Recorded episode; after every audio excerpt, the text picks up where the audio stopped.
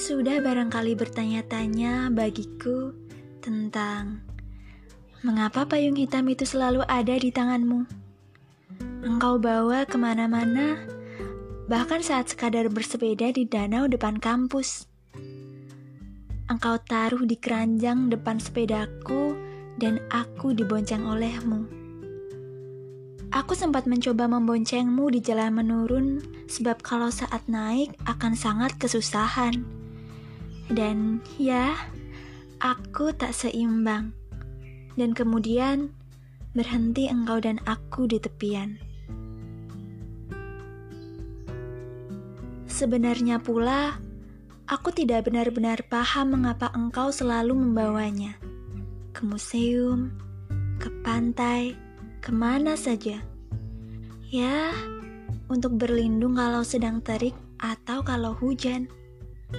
Tapi kita ke mana-mana kan naik motor. Lucunya.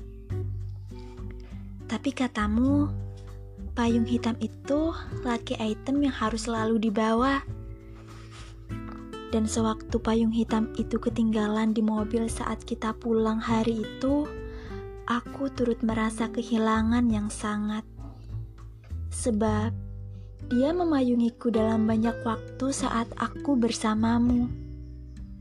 Meski tak sempat mengucap perpisahan padanya, aku harap kita dapat bertemu payung hitam lagi suatu hari nanti. Sekarang, payungku hanyalah dirimu dan satu-satunya. Karena kamu adalah payungku yang sebenarnya, kamu menjadi sering basah untuk sekadar melindungiku dari hujan yang kadang sia-sia. Maafkan aku untuk keharusan itu.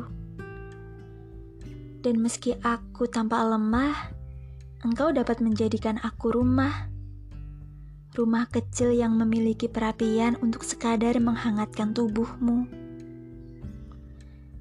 Tapi tampaknya engkau tak mudah kedinginan, Nat. Aku yang begitu. Aku rumahmu, Nat.